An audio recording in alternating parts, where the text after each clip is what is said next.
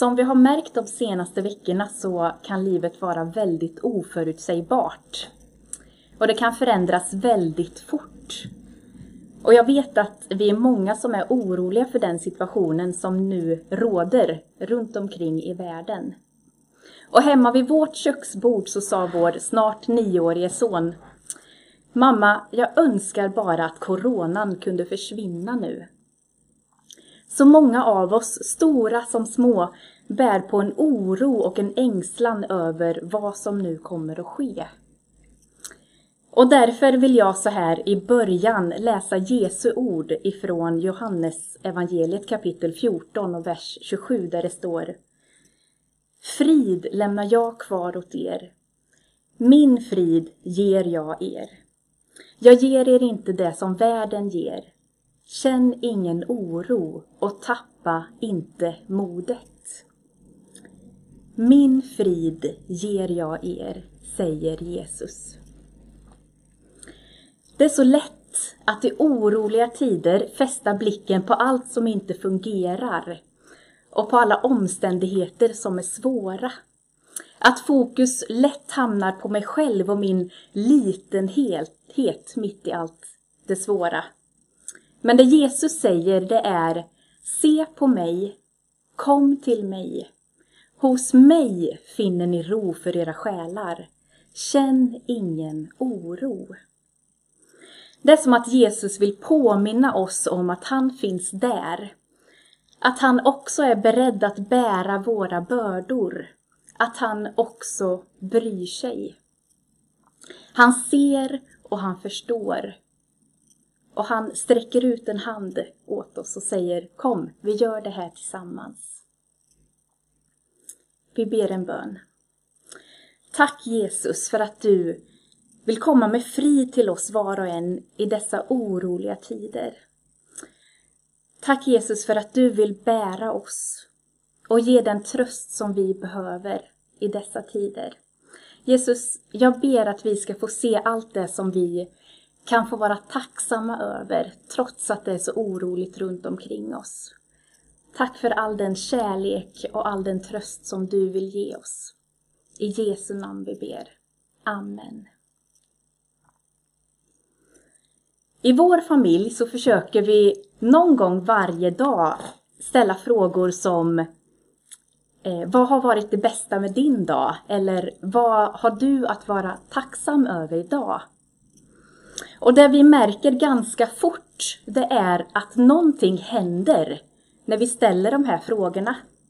Om det tidigare har varit lite gnabbigt och att barnen kanske har retats eller att jag och Samuel inte har varit på topp, min man, så händer det någonting när vi väljer att fokusera på det som faktiskt har varit bra och det som vi är tacksamma över.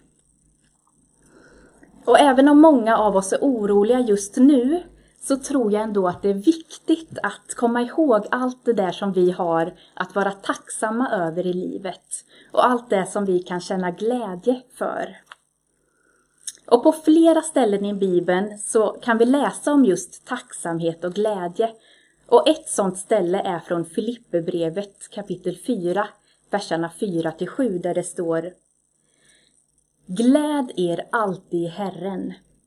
Än en gång vill jag säga, gläd er. Låt alla människor se hur fördragsamma ni är. Herren är nära. Gör er inga bekymmer, utan när ni åkallar och ber, tacka då Gud och låt honom få veta alla era önskningar. Då ska Guds frid, som är mera värd än allt vi tänker, ge era hjärtan och era tankar skydd i Kristus Jesus. Filipperbrevet är skrivet av Paulus. Och detta brev, det är det, den text i Nya Testamentet som talar mest om glädje. Och det som är så paradoxalt och fascinerande, det är att författaren själv, Paulus, han sitter i fängelset när han skriver det här brevet. Och han vet inte ens om han kommer att bli fri eller om han kommer att dömas till döden och bli martyr för sin kristna tro. Men just i denna svåra situation så är det som att han påminns om den sanna livsglädjen och var man kan finna den. Jag och många med mig tänker nog att glädje och lycka är förknippat med gynnsamma omständigheter.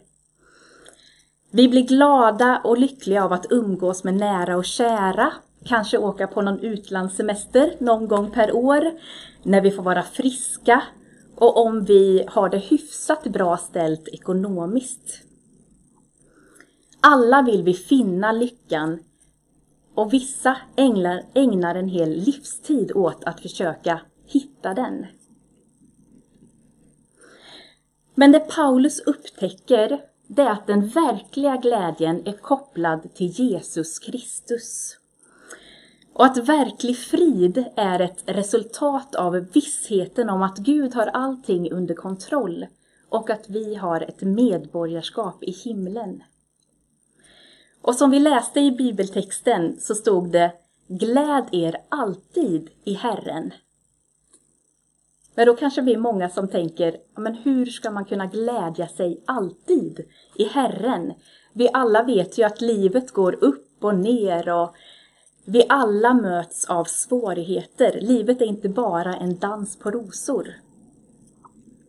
Men det Paulus har upptäckt, det är att han har hittat en källa till lycka som aldrig tycks sina, som aldrig kommer ebba ut. Och oavsett vad som än händer med honom, om man får lida eller bli hyllad, så går inget upp emot den pärla som han har funnit i Jesus Kristus. Och på grund av det så har han lärt sig att vara nöjd med allt. Och se alla omständigheter ur den positiva sidan. Att vända allt till det bästa. Och det är klart att Paulus, precis som vi, eh, har bekymmer. Han om någon vet om lidanden och prövningar i sitt liv. Men han väljer att inte låta de negativa omständigheterna förgifta hans tillvaro och väljer istället att överlämna allt det svåra i Jesu händer. Paulus ger oss rådet att omvandla vår oro till bön. Att stanna upp och be så snart oron kommer. Och i texten står det att vi ska tacka Herren först innan vi låter honom veta våra önskningar. Så först tacksägelsen, eh, tack, först tacksägelse och sen önskning. Och jag tror att det ligger en väldigt viktig hemlighet i detta. Som är viktig att bära med sig genom livet. Att först tacka Gud och sedan låta honom få veta alla våra önskningar.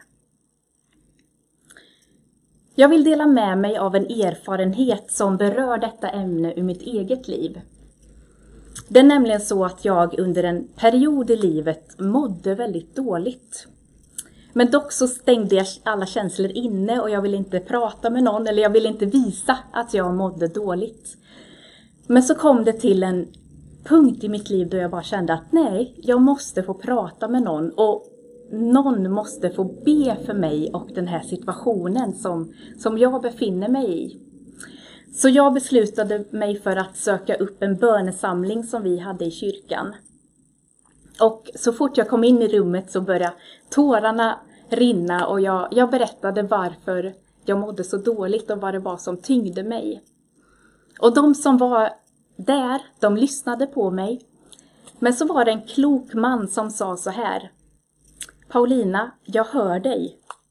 Men låt oss först tacka Gud för allt det som han har gjort. Låt oss först lovprisa Gud och sen ber vi. Och jag blev faktiskt lite irriterad och jag tänkte, nej men alltså hör du inte vad jag säger? Jag mår så dåligt och jag behöver hjälp i bön nu. Eh, men vi gjorde som han sa.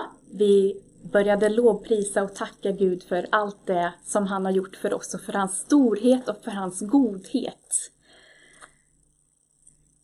Och det är klart att Någonting hände då. Och när, när jag tänker tillbaka på den här händelsen så var ju det det bästa vi kunde göra. Det var en sån välsignelse att mitt i den svåra och jobbiga stunden få börja med att tacka Gud och lyfta blicken mot Jesus. Det var som att Jesus sa Kom Paulina, ta min hand. Jag går bredvid dig. Du är inte ensam. Vi tar ett steg i taget. Du och jag.